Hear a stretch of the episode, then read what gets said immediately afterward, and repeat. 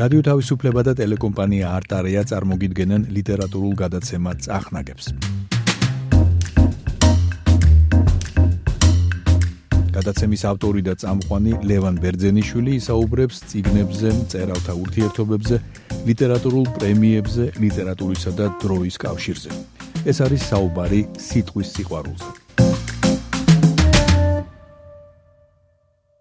მოგესალმებით ძირფასო მეგობრებო, ეს გახლავთ გადაცემა წახნაგები.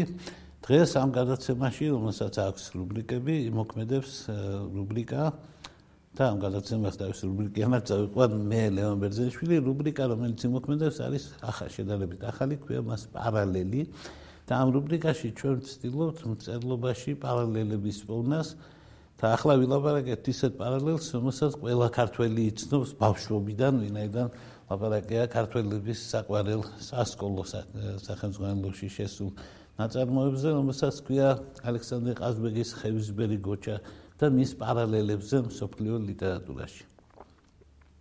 ყაზბეგზე მინდა ვთქვა, რომ ეს იყო უნიჭიერესი ადამიანი, რომელთა შეფარდებითაც რაც ითქვა ქართულად ყველა სიტყვა სწორია, მათ შორის როდესაც ისეთი მაღალი შეფასება მიეცა, რომ ქართველების ხომეროსია ესეც სწორი შეფასება მგონია, გადაჭარბებულია ბუნებრივია, მაგრამ სწორია არსობრივად, იმიტომ რომ ის იყო სწორედ მითოსის ავტორი.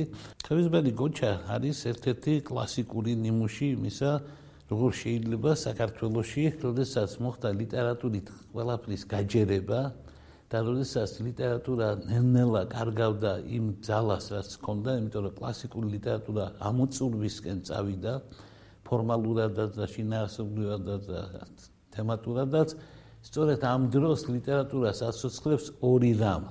ან ახალი ნაბიჯი წინ ან ძველი ნაბიჯი უკან. ახალი ნაბიჯი წინ გადადგა მოდერნმა და ეს ჩვენ გავაკეთეთ მე-20 საუკუნეში და ეს უპირველეს ყოვლისა პოეზიაში გააკეთა galaktiurma. Ну, რა თქმა უნდა, ის ვერკანწელების როლიც მნიშვნელოვანია. მე ეს გააკეთეს პროზაში ქართულმა წერლებმა, მაგრამ ალექსანდრე ყაზბეგმა და ვაჟაბშეველომ გადადგეს ძველი ნაბიჯი უკან, ანუ უბრალოდ მათ დაიწყეს ლიტერატურა თავიდან, დაიწყეს ლიტერატურა მითოსიდან.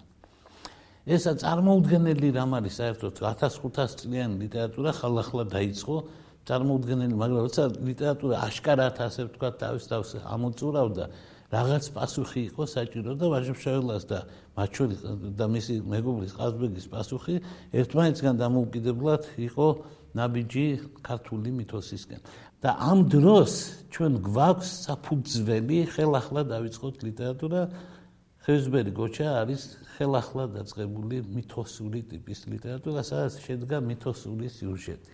არის მითოსური სიუჟეტი?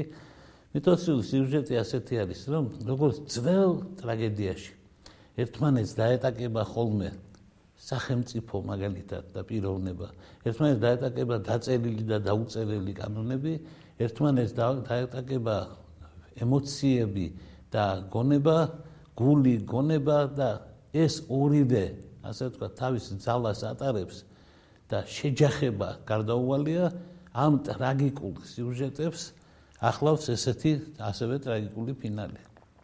ყველა შეიძლება დაიხოცოს და ყველამ შეიძლება ძალიან ძიმე ფინალი ნახოს. ეს არ არის მელოდრამა, ეს არის მითოსი, ესაა ტრაგედია. და აი ქართული ტრაგედია დაწერილი ყაზბეგის მიერ ასე ჟღერს, რომ ახალგაზრდა ადამიანებს, რომელთა ჩვეულებრივ ცხოვრებაში ვალდებულებები აქვთ, ვალდებულებების მიღმა ეწვია სიყვარული. როგორც რაღაცა საშინელება, როგორც თავდასხმა, ძიძიას, რომელიც გაათხოვეს ისე რომ პრინციპში ის არისო დარწმუნებული უყვარს თუ არა კაცი, იმიტომ რომ არისო ახლა ისე წესი არ უნახავს წესი რა არ დალაპარაკებულან სხვა და გადაწყვეტილება იქნა მიღებული. მოულოდნელად ეწვია სიყვარული. მოულოდნელად, უბრალოდ დაინახა კაცი და შეუყვარდა ესე როგორც ონისემ დაინახა ძიძია და შეუყვარდა. ეს ასე ხდება ხოლმე ყველამ ძალიან კარგად ვიცით ასე რომ ადამიანს შეუყვარდა, ეგ არ არის პრობლემა. მაგ არ არის პრობლემა, იმიტომ რომ ყველამ ვიცითო ეს ყველა შეიძლება შეემთხვას. ამის მერე იწება შენ გაქვს მოვალეობა. ონისეს ქონდა მოვალეობა მეგობრის მიმართ. და რა თქმა უნდა ეს მოვალეობა მან გადაწყვიტა რომ ეს მოვალეობა შეესრულოს და იგი შეეწინააღმდეგა ამ სიყვარულს. ხო, ოიდიპოსით შეეწინააღმდეგა იმას, რაც უთხრა ღმერთმა და იმის მაგერად რომ წასულიყო მარჯვნივ, წავიდა მარცხნივ და თურმე მარჯვნივ არაფერი არ მეკრებოდა და სწორედ მარცხნივ იყო დედამისის და მამამისის და მისი ტრაგედიაც. ონისაც წავიდა განერიდა იქაურობას, მას შემდეგ რაც აშკარა აშკარა იყო რომ სიყვარულია, განერიდა იქაურობას, რომ ხო იცით ახლა ქართული ნათქვამიც არის, რომ თვალი თვალს მოშორდება, გულის გადასხვაფერდება, არაფერი ამაზე უფრო დიდი ტყუილი არ არის, იმიტომ რომ ადამიანს შეიძლება შეექმნას ილუზია და ონისა შეექმნა ილუზია, რომ ამოიგდო მან გულიდან ეს კალი, მაგრამ ერთი დანახვა შემდგომში აღმოჩნდა საკმანისი, რომ ისე იმძალით ეფექტკამს იყო. მით უმეტეს რომ ეს არ არის სამხრივი სიყვარული. უმეტეს რომ მან დაინახა რომ კალცის უყვარს. ეს ძალიან ძიმე განსაცდელია და ონისე როგორც მითოსური გმირი. ვერ მოერია თავის ბეთს, ვერ მოერია თავის სიყვარულს. იცით, ჩვენ შეგვიძლია ეს ყველას მოვთხოვოთ, რომ უნდა მოერივა აბა კაცობა, ვაშკაცობა რა არის. უნდა მამამისმა რა უთხრა, რა უთხრა გოჩამ, რომ გახსოვდეს ვისი გორისა ხარ და რომ კაცი დანჯვისთვის არის გაჩენილი. ძალიან კარგად შეატყო რა დღეშიც იყო მისი შვილი და მოუწოდა დანჯვისკენ, მოუწოდა დათრგუნვისკენ მოუწოდა იმისკენ რომ მაგრამ ეს ან ვერ შეძლო. უმეტეს რომ აქ ესე იგი სიკვდილი ეგრევე ჩაერია საქმეში ძიძია თავს იკლავდა უნისემ გადაარჩინა. და ამასობაში შემოვიდა ასე ვთქვათ შესანიშნავი აი დიდი მწერალი არის ყაზბეგი რა თქმა უნდა უწყინვალესად ფლობს მასალას იმიტომ რომ ასეთ მომენტში შემოყავს ისტორიული მითოსში რომელიც გასაგებია რომ ისტორიის მიღმა და დრომაში სხვანაირად მიმდინარეობს შემოყავს ნამდვილი ისტორია. ეს დაახლოებით იმას გავს მომავლის წერლობაში ვთქვა თუნდაც მოდერნულ ქართულ წერლობაში კონსტანტინე გამსახურდია რომ თავის სახელი და გვარით გამოჩნდება მაგალითად შუა ხრობის დროს როგორც ეპიზოდური პერსონაჟი მაგალითად თვალის მოტაცებაში. ან ბერტოლ ბრეხტან რო გვაქვს ეგრეთ წოდებული სცენური ილუზიის რღვევა და როლიდან გამოსვლა და მე როლში ისევ შესვლა. და ახლავე ასეთი რამ არის აქ გამოყენებული. მითოსურ დროში უცებ ხდება რეალური ამბავი ნუგზარი თავს ესხმის ხოლმე და მთიულები ვერ დაიყოლია მაგრამ სამაგიეროდ მოხევების წინააღმდეგ წამოიყვანა ტრადიციული მეტრები ოსები და ელოდება ლეკების დახმარებასაც და აი ამ ვითარებაში, როდესაც მითოსული დრო მიდის და აგერული შეყვარებულია, უცებ ისტორია შემოდის თავისი თავდასხმით და ადამიანს უჩნდება ახალი მოვალეობა. გარდა იმისა, რომ მეგობარი ყავდა და მისი ცოლისთვის ხელი არ უნდა ეხლო, იმიტომ რომ სიმღერაც იქნება დამოწმებული მეზობლის ქალს ხელს ნუახლებ ისიც ჩინაურია, ამას რო ვერ მოერია, გარდა ამისა კიდე ახალი მოვალეობა მიეცა მას. როგორც ხევისბერის ვაჟი იგი განსაკუთრებით უნდა იყოს ამით დაკავებული ეს არის რომ იგი ძინა ხაზია და მან უნდა შეატყოს ისეთი წლის შემოსვლა და ეს უნდა შეატყობინოს. და აი სწორედ ამ დროს მათმა სიყვარულმა მიაღწია როგორც ჩანს იმ აკმეს იმ უმაღლეს სიმაღლეს როდესაც ადამიანები კარგავენ გონებას და ეს ორი არსება გახდა ის ერთი არსება დაახლოებით ისეთი როგორც არისტოფანემ იწინასწარ მეტყველო მას თქვა რომ დესღაც ადამიანი ოთხი ფეხისგან და ოთხი ხელისგან და ორი სახისგან და ერთი თავისგან შედგებოდა და ღმერთმა რომ დაინახა რომ ძალიან ძლიერი იყო ეს არსება დააკვეთა შუაზე და მე ჭიფთან ამოკედა და მე ეს ადამიანები ეძებენ ერთმანეთს და თუ იპოვა თავისი ნახევარიო სამოსე ჩაეხუტება და ისე ოთხი ფეხა და და და აღარ დადის გორავს. ანუ ადამიანის სიყვარული არის მისწრაფება ოდინდელი ერთობისაკენ. აი ახლა დაინახა ონისემ ძიძია და ეს ოდინდელი ერთობა დაბრუნდა და შეერთდნენ და დაიწყა ყველაფერი. მითოსურ დროში გადავიდნენ, როდესაც დრო არ არის. ამ დროს ისტორიულ დროში მტერი შემოვიდა. და მითი და ისტორია შეასკდა ერთმანეთს. და გაირკვა რომ ონისე, რომელიც ამის მერე ხვდება რომ საშინელება მოხდა, გამორბის უკან თავისიანების გასაფრთხილებლად უკან მოყვება მთელი არმია მტრის და ფაქტობრივად მოღალატე გამოდის თავისი ხალხისა, მაგრამ კიდევ უარესი მასზე ადრე სხვა შეცდენილი, მოტყუებული, უარყოფილი ცოლისგან უგულებელ ყოფილი მეგობრისგან და ასე შემდეგ ყველანაირად განადგურებული გუგუა მორბის. და ისე გამოვიდა რომ მოხევეებმა დაინახეს ვინ არიან დამნაშავეები ეს არიან ორნი ოსნი რომელიც მიუხედავად იმისა რომ შეიფარეს თურმე მაინც მტერს ეხმარებიან ოსები მოდიან მტრების სახით და გასაგებია რომ ისე თავისიანებისკენ წავიდნენ აშკარად გამოჩნდა მოღალატე თითქოს არის გუგუა და ორიოსი ჰევისბერმა გადაწყვეტილებები მიიღო. ოსები სიკვდილი დაისაჯნენ, იმიტომ რომ შეიფარებ კაცს და ცუდად მოიქცევა გასაგებია ყველაფერი. გუგუა დაინდო და დაინდო არა იმიტომ რომ მიხვდა რომ უდანაშაულოა. დაახლოებით კი რაღაცნაირად ჩანს რომ თითქოს უდანაშაულო, მაგრამ ფაქტია რომ ტერცინ მოუძღო და ისიც ვერ ამბობს. რატომ მოუძღო და წინ? ეს ძალიან მნიშვნელოვანი არის. ეს არ არის ჩვეულებრივი ადამიანი. ჩვეულებრივი ადამიანი იტყოდა, რომ ცოლმა მიღალათა და მე გამწარებული ვეძებდი ცოლს და მის საყვარელს მოსაკლავად. აი იტყოდა ამას, ჩვეულებრივი ადამიანი, მაგრამ გუგუა არ არის ჩვეულებრივი ადამიანი. გუგუა არის მითოსის ადამიანი. იგი მოხევე არის ამ სიტყვის ძალიან მითოსური გაგეთ. მას არ შეუძლია თქვა, ცოლი ღალატობს და სხვა. ეს აღემატება მის ღირსებას. ამიტომ მას ურჩევნია მოკვდეს, ვიდრე ხალხმა გაიგოს, რომ მან იცის, რომ ცოლმა უღალატა. და მას ურჩევნია რომ მისი ღირსება იქნეს შენარჩუნებული იმ ნაწილში რომ ძელთან არ არის მტვანი ვიდრე იმ ნაწილში რომ სამშობლოსთან არ არის ნაწილი. ანუ პიროვნული ღირსება ურჩევნია შენარჩუნოს ვიდრე სამოქალაქო ღირსება. მითოსია რა თქმა უნდა მითოსი არის რომელიც ამ სამოქალაქო ღირსებას საერთოდ არ ცნობს. ულამაზესი სახე არის თავისთავად როცა გაუტეხელია. და აი მაგ მომენტში ხდება კულმინაცია. როდესაც ონისეს შეუძლია ეს ყველაფერი აიტანოს, გუგუას ახლა საჯელს მიურჯიან, თან არა ისეთ მკაც როგორც ოსებს, უბრალოდ მოიკვეთენ და სხვა, მაგრამ მას ონისეს არ შეუძლია ამას ასე მშვიდად უყუროს და მე ამით ვერ იცხოვრეს. და მან თქვა რომ გუგუა მართალია. და თქვა რაც მოხდა. ფაქტობრივად მას არ უნდა უცხელებია ძიძია მაგრამ მან თქვა, რომ მას ვნებამ აღალატა, აღალატებინა, იმიტომ რომ მას მტერი არ ახსოვდა, ისეთ საქმეში იყო და როდესაც გონზე მოვიდა, იყო უკვე გვიან და გუგუა უდანაშაულო, დამნაშავე არის ონის. უნებლიე დამნაშავეა, მაგრამ აი ომის წესებმა ნამდვილად ვიცი, რომ არის ის ეს ტერმინი უნებლიე. ანუ მითოსიდან მან გადაიყვანა, თვითონ გადაიყვანა თავისი თავი ისტორიაში.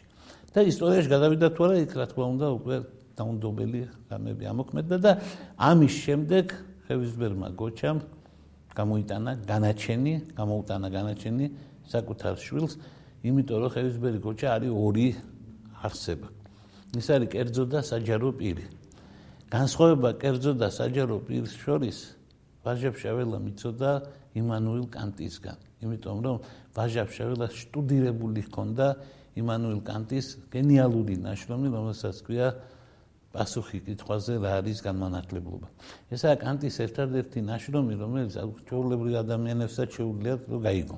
იმიტომ წმინდა გონების კრიტიკის და სხვა კანტის სხვა ნაშრომების გაგებას ცოტა სპეციალური მომზადება სჭირდება და სტუდირება სხვანაირად სჭირდება. ვაჟა იმასაც გაიგებდა, რა თქმა უნდა, პრობლემა არ ამგონია იყო, მაგრამ იმ ნაწარმოებს იცნობდა გადასალებას, სადაც კანტი ამბობს, რომ გაუნათლებლობა ადამიანის ბრალია, იმიტომ რომ უმციფრობის ბრალია, რომ მან ვერ გაბედა აზროვნება, თუ კი ადამიანი ვერ გაბედავს აზროვნებას, ვერ გაბედავს, იმიტომ რომ ხდალია, ლაჩარია, ან კიდევ ვარესი ზარმაცია. ორი ვარ, ორი აზროვნება გვაქვს ჩვენ. ორი პიროვნება ვარ ჩვენ. კერძო როცა ვარ მე ჯარში ვარ და გენერალი მიბძანებს უნდა შევასრულო ბძანება მაგრამ თუ საჯარო პირი ვარ და Facebook-ში განვიხილავ მაქსაგესო ომის დამთავრების შემდეგ შემიძლია იქ დავწერო რომ გენერალი არის ხო მართალი ანუ საჯარო აზროვნების გამოყენება არის ასე ვთქვათ ადამიანის განათლების და მისი ვაჟკაცობის ანუ გმირობის ნიშანი და არა ის რომ კერძო პირი როგორ იქცევა და ეხლა ჩვენს წინაშეა ხევისბერი გოჩა რომელიც ერთდროულად კერძოც არის ანუ мама და საჯარო პირი არის იმიტომ რომ ხევისბერია ამიტომ მას გამოაქვს განაჩენი როგორც საჯარო პირს და იგი სხვა შორის როგორც მითოსში ხდება ხოლმე თუ ვინმეს რამე მითოსი არ ახსოვს, ახლავე შევახცენებ, აგერ ნედ სტარკი რო დამნაშავეს ვისაც გამოაცხადებდა იმას თვითონ რო კლეთდა თავს, ეს არის ხევისბერი გოჩას მითოსი. რა თქმა უნდა, არანაირი ვალდებულება ხევისბერს არა აქვს, რომ მისი გამოტანი განაჩენი თვითონ აღასრულოს მით უმეტეს საკუთარი შვილის მიმართ.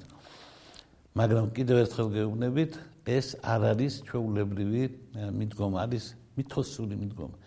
მითში თქვა, რომ დამნაშავეა ჩემი შვილი და მე თვითონ მოკლავ ჩემ შვილს. მაგრამ ვერ მოერია ამას და დაკარგა, ასე თქვა, საღი აზრი, საღი გონება და იგი შეიშალა. ეხლა ამ შეშლაზე მინდა ორი სიტყვა თქვა, იმიტომ რომ წამიკითხავს მაგალითად გრიგოლ კიკნაძის შესანიშნავი გამოკვლევა რატომ მოკლა ხევისბერმა შვილი. ბევრ ამას ამბობს. მაგრამ საბოლოო ჯამში არა ვერ ამბობს რატომ მოკლა შვილი. სამოს აი სირთულია. მამაც არის, ხევისბერიც არის, სხვის მიმართ შეიძლება უფრო დანდობილი იყოს საკუთარ შვილს ვერაპატია, იმიტომ რომ ამ შემთხვევაში იგი ფაქტობრივად თავსაც უსვამს ამ კითხვას როგორ გაზარდა ასეთი შვილი ანუ მისი პასუხისგებლობა ორმაგი არა მარტო იმიტომ რომ ხევისბერი არამედ იმიტომ რომ როგორც мама ცუდი აღდელი აღმოჩნდა ანუ შემოდის ის ეპიზოდის გაგება რომელიც აკაკის გამძლეში არის და ასე შემდეგ ბევრი კითხვა არის შესანიშნავი ნაშრომი თქვათ აკაკი ბაქრაძის რომელიც ასევე ლაპარაკობს ეს ფაქტობრივად თვითკვლელობა რომ ანტიბუნებრივი მოქმედება შვილის წინააღმდეგ ხელის აღმართვა და სხვა. მე ჯერ შემიძლია განმარტო რატომ დაკარგა გონება. ამის გამარტება მე მგონი შეიძლება. და მე იყოს ის პარალელი რომელიც უფრო კარგად აგვიხსნის რა არის მსგავსება და განსხვავება ყაზბეგსა და სხვა მწერლებს შორის პირველი რაც მინდა ვთქვა რომ ფროიდი ამბობს რომ ადამიანის სულიერ აშლილობას ერთი სულიერი ტრავმა არ იწევს რა ძლიერიც უნდა იყოს ეს სულიერი ტრავმა? მაგრამ ორს შეუძლია ესე იგი ჩვენ აქ მე ორი ტრავმა უნდა ვეძებოთ ორი აშლილობა უნდა ვეძებოთ კოჩას შემთხვევაში და ეს ნამდვილად ასეა. პირველი გახლავთ ის რაც მას მოუვიდა როგორც მამას რომ შვილი კარგად ვერ გაზარდა და მეორე ეს არის როდესაც მისმა შვილმა არა მარტო მეგობართან დააშავა არამედ სახელმწიფოსთანაც დააშავა იმ გრძნობის გამო რომლის გამტყუნება არ შეიძლება. აი ეს არის ის ორმაგი ტრავმა. ერთის მხრივ ის უდანაშაულოა და მეორეს მხრივ ის დამნაშავეა და ეს არის სწორედ ის როდესაც ასეთი კაცი კვდება შენ ერთდროულად მოკალი დამნაშავეც და უდანაშაულოც და ის მით უმეტეს ერთდროულად შენი თემის წევრიცა და შენი კერძო შენი შვილიცა. ეს მოურეველი თემა აღმოჩნდა მისთვის და მისი შეშლა არის ხატულად აბსოლუტურად გამართლებული. სხვა შორის იმ მასალაში რომელიც მან ფოლკლორიდან აიღო არავითარი მკვლელობა და არავითარი ჭკვაზე შეშლა არ იყო. ამიტომ ვინმე არ წარმოიდგინოს რომ ვაჟებშეველა და ყაზბეგი ბედნიერი ხალხი იყო აგერ იყო ხალხში თემა აიღებდნენ დაწერდნენ და გამოდიოდა კარგი რამ. ასე არ არის. ის თემა ისევ იგდევს და დაწერა ყველა შეუძლია, მაგრამ რაღაცა ვაჟებშაველები და ყაზბეგები ჩვენ არ მოგვემატა. განსაკუთრებით მაგ სფეროში. ქართული მითოსი დარჩა უპატრონოთ ამ დიდი ავტორების შემდეგ. ეს ახლა ჩვენ მომწერლმა თვითონ იციან როგორ მიხედავენ, ან არ მიხედავენ ამას. ეხლა რაც შეეხება პარალელს. ტრადიციულად აქ არის პარალელი გავლებული ხოლმე და ეს ყოველთვის არის სახელმწიფოებში პროსპერ მერიმესთან, რომელმაც დაწერა მატეო ფალკონე. მატეო ფალკონე რა არის? იქაც მამა კლავშვილს, რატომ? მატეო ფალკონე ესეთ ნაწარმოებია, რომ არის ისე იგი ასეთი კაცი მატეო ფალკონე, ყავს მეუღლე ჯუზეპა და ყავს სამი ქალიშვილი და ერთადერთი ვაჟი სახელად ფორტუნატო. ეს ფორტუნატო არის მისთვის ყველაფერი. იმიტომ ესა მემკვიდრე ესა ქალიშვილები არ იქნება მოგეხსენებათ მემკვიდრეებში და აი ეს არის ქალიშვილები უკვე გათხოვდნენ სიძეები არწევდნენ ყველაფერი მათთან ერთად ცხოვრობს მარტო ფორტუნატო. 10 წლის ბავშვია. და აი ისინი წავიდნენ მაკიში მაკი არის ესეთი საფრანგეთში და კორსიკაში. ესეთი ტექნიკა არის იმის საქმესოფლის მეურნეობის რომ პატარა ტყე არის, თქვა თან კორომი არის, იმას დაწოვენ, ამ ფერფს გამოიყენებენ როგორც სასუქს და მოიყვანენ მოსავალს. მაგრამ ხის ძირები რჩება. ამიტომ მე სხვაგან გამოიყვანა მოსავდა იმ ძილებიდან ახალი კლოტები ამოვა და გაიბლარდება ძალიან სერიოზულად და პირდაპირ დღესავით დაიბურება ამას ქვია მაკი. და ამ მაკიში ძალიან ნიოლია დამალვა. და მთელი კორსიკა იქ იმალება ხა კორსიკა არის მოგესწრება ერთი კაცი ყველას ყავს მოკლული და ვიღაცა იმალება და ну ახლა დაუწერელი კანონი არის რომ შენთან თუ მოვიდა კაცი რომ დამალე უნდა დამალო. და სტუმარი არის და სტუმარი არა მარტო ღვთისა. წარმოუდგენელი არის სტუმრისთვის შევაწყობის რამეს მიყენება.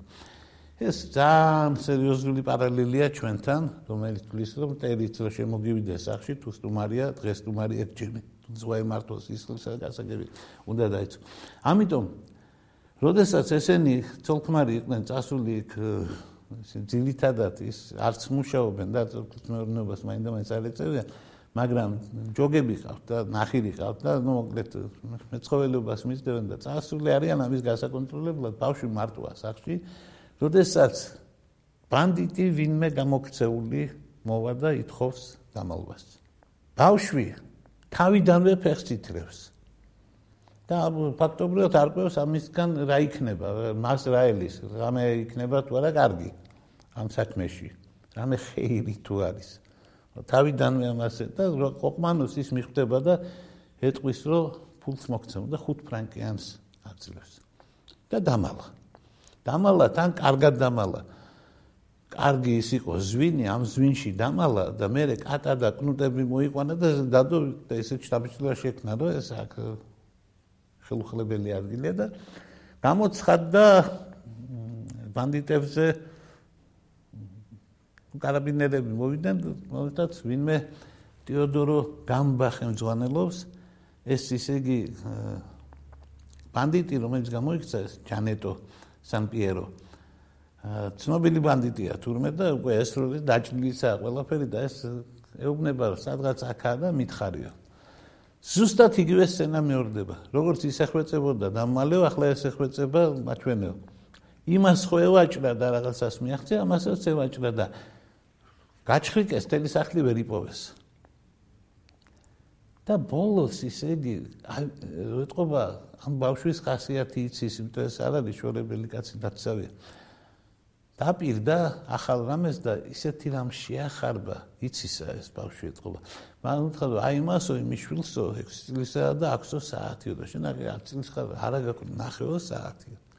და საათი ეს ჩამოსაკიდი საათები იყო დიდი ახლა და გაუხსნა დაანახა რა მეცხრე საუკუნის დასაწყისია მე მგონი ასეთი საათი დღესაც შეიძლება ბავშვი მოხიბლო ამ იმის ხია გაჯეტების ეპოქაში და მაშინ როგორ ჩანს ეს საათი ბევრად უფრო ძვირია ვიდრე 5 ფრანკი თუ ასე შევხედავთ. დაიღო ეს საათი და გასცა ეს იყო ბავშვის გაკეთებული საქმე. ამასობაში სახში დაბრუნდა მატეო ფალკონე, გაიგო რომ მის მაშვილმა ფორტუნატომ ეს ჩაიდინა და მისი ღირსების კუბოში ბოლო ლუცმანი ჩააჭედა ჯანეტომ დაპატიმრებულმა ბანდიტმა რომელსაც თქვა ეს არისო გამცემლის სახლიო და მიაფურთხა ამ სახლს ახლა კორსიკელი კაცისთვის თუნდაც არა კორსიკელი კაცისთვის მაგრამ საერთოდ კორსიკელი კაცისთვის მით უმეტეს რომელიც ფაქტობრივად ისტორიაში არ ცხოვრობს ფაქტობრივად მითოში ცხოვრობს. ანუ ცხოვრობს იმ კანონით რომელიც კანონიც არის ესე იგი ამ ამ იმას ამისთვის დამახასიათებელი ამ არა მარტო ამ რეგიონისთვის მაგრამ საერთოდ ამ ძველი აზროვნებისთვის რომ კაცემ არ შეიძლება არავითარ შემთხვევაში და სტუმარს ეს არ უნდა გაუკეთო არავითარ შემთხვევაში. აი ასეთ ოჯახში რომ მოხდა ეს ამბავი რა თქმა უნდა ამან იგი ძალიან ააღელვა აცალა. არ დაიცვა თავი ბანდიტისგან. არ თქვა რომ მართალი არ ახარ და ვინა ბიჭო გამცემ. არაფერი.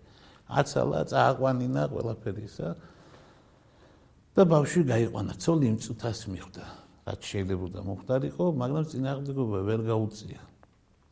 ისეთი დიდი არის მორალური დანაშაული. რომ დედა ვერ იცავს შვილს. და არაფერი დავარდა ეს ქალი და ლოცულობს წაიყვანა მატეო ფალკონემ ბავშვი და უთხრა თქვი ლოცვა. ერთი мама ჩვენ თქვა, მეორე გძელი ლოცვა იყო და ათქმევინა ბოლომდე. ბავშვი ხდება, რაც უნდა მოხდეს, მაგრამ მატეო ფალკონე შეუვალია და გაუქანებს და მოკლავს. და ამის მერეო ავტორი ყვება, გამოჩნდება ავტორი. ორი წლის მერე შევხვდი მე. და ეს ცხოვრობს. აგრძელებს ცხოვრებას ერთადერთი ცოლს უთხრა რომ რომელიმე სიძე გადმოიყვანოთ ოჯახშიო ანუ ბიჭი არაინ არ აკავს და რაღაცა უნდა ყავს მაგრამ ის აგზელებს ცხოვრებას ეხლა პარალელი რას გვეუბნება პარალელი გვეუბნება ერთ რამეს რომ мама შვილი ღირსება გლელობა ყველაფერი გავს რა არ გავს რა არ გავს და მატეო ფალკონემ ძალიან მშვენივრად გადაიტანა ეს ყველაფერი რაც გააკეთა ну გულში დაჭირდა როგორ არ ვიცით მაგრამ არც გონება დაკარგა არც სოციალური ფასი დაკარგა და არ გაგიჟდა. მაშინ როცა ჩვენი გაგიჟდა. საქმე ის არის რომ აქ ბევრია მსგავსება მაგრამ არის ერთი მთავარი განსხვავება. მთავარი განსხვავება რა არის? ის რო გააკეთებინა ონისეს რაც ფორტუნატომ გააკეთა. ხელისბერი ქოჩა მას მოკლავდა და არ გაგიჟდებოდა. თავარი ამბავი ეს არის რომ ფორტუნატოსა და ონისეს შორის არ არის სტოლობის ნიშანი. ფორტუნატო სუსტი ბავშვი აღმოჩნდა რომელიც გამოვიდა მითოსიდან. ეს ვაჭრობა არაა მითოსის ნიშანი. ის შენ 5 ფრანკს მომცემ ის მეტია ვიდრე 5 ფრანკი საათი ჯობია თუ რაღაცა და საერთოდ ეს ამბავი ეს არ არის ონისე რა თქმა უნდა. აქ არის განსხვავება. ჩვენ თუ შევადარებთ ჩვენ შეგვიძლია შევადაროთ კიდევ ერთი ნაწარმოები ამ სოფლიო გენიოსის დაწერილი ესა ტარას ბულბა იმასაც ადარებენ ხოლმე და ტარას ბულბაში ასეთი ამბავია რომ ტარას ბულბა შვილს კლავს ანდრის. იმიტომ რომ იმანაც სიყვარულს ანაცვალა თავისი მოვალეობა. ეგ გაცილებით უფრო გავს. მაგრამ ძალიან დიდი ავტორი არის გოგოლი და მეორე ძმაც გამოიყვანა, რომელმაც ასევე თავი გაწილა ოღონდ სამშობლოსათვის და ამასინათ ერთი მკითხველისაც ვკითხულობდი, რომ ორივე ღირსეული კაცი იყო, ერთმა სიყვარულისთვის გაწილა თავი და მეორე სამშობლოსთვის თავი რომ ცონარე და ეს უკნარა არც ერთი არ იყო. მაგრამ ტარას ბულბამ გაწილა შვილი და გაწილა შვილი როგორც ამას აკეთებს მითოსი. და მე მინდა ჩამოთვალო ყველა მკვლელი ვინც დაუჟელი დარჩა და ვინც არ ვინც არ გამოვიდა ასე ვთქვათ მითოსიდან. თელი ეშხი, თელი ძალა ყაზბეგის არის ის, რომ ის არ წერს მარტო მითოსურ ნაწარმოებს, ის წერს ახალ თანამედროვე ნაწარმოებს, რომელშიც მითოსი და ისტორია შეხვდა ერთმანეთს. ამიტომ გააგიჟა მან. ის ახალი ლიტერატურა არის. ის არის მართლა მე-19 საუკუნის ლიტერატურა და არა ვთქვათ მითოსის ლიტერატურა. თორე მითოში ურანოსი დავითვილებს ხოცავდა თავისებურად, რა თქმა უნდა, ყოველ შემთხვევაში მიწაში მარხავდა, მაგრამ ისინი არ ყვდებოდნენ, ახლა ღმერთები იყვნენ. კრონოსმა мама დასაჯა, მაგრამ თვითონ დაიწყო შვილების გადაყლაპვა, ანუ ისევ იმ გზაზე წავიდა. ზევსი პირველი იყო, რომელიც შვილებს გულშემატკივრობდა. დარკლავდა. ოიდიპოსის ამბავი. ლაიოსი კლავდა ოიდიპოს.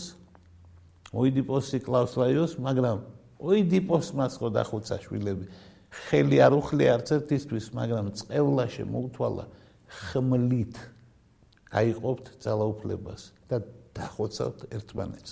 ეს ცნობილია ოიდიპოსის წევლა ვისაც უნდა შევადაროთ ამდენს უნდა შევადაროთ ჩვენ მივიღებთ ერთ რამეს.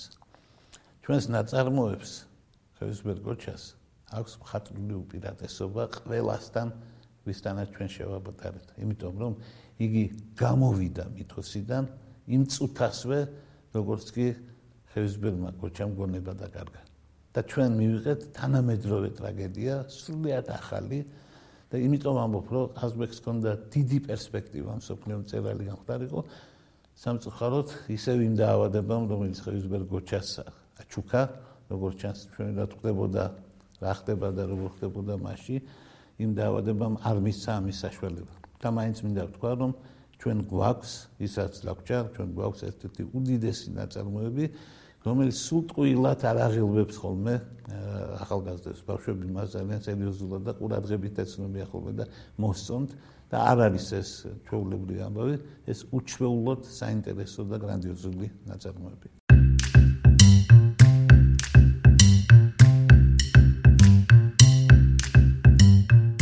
რადიო თავისუფლებამ და ტელეკომპანია არტარიამ წარმოგიდგინეს ლევან ბერძენიშვილის გადაცემა წახნაგები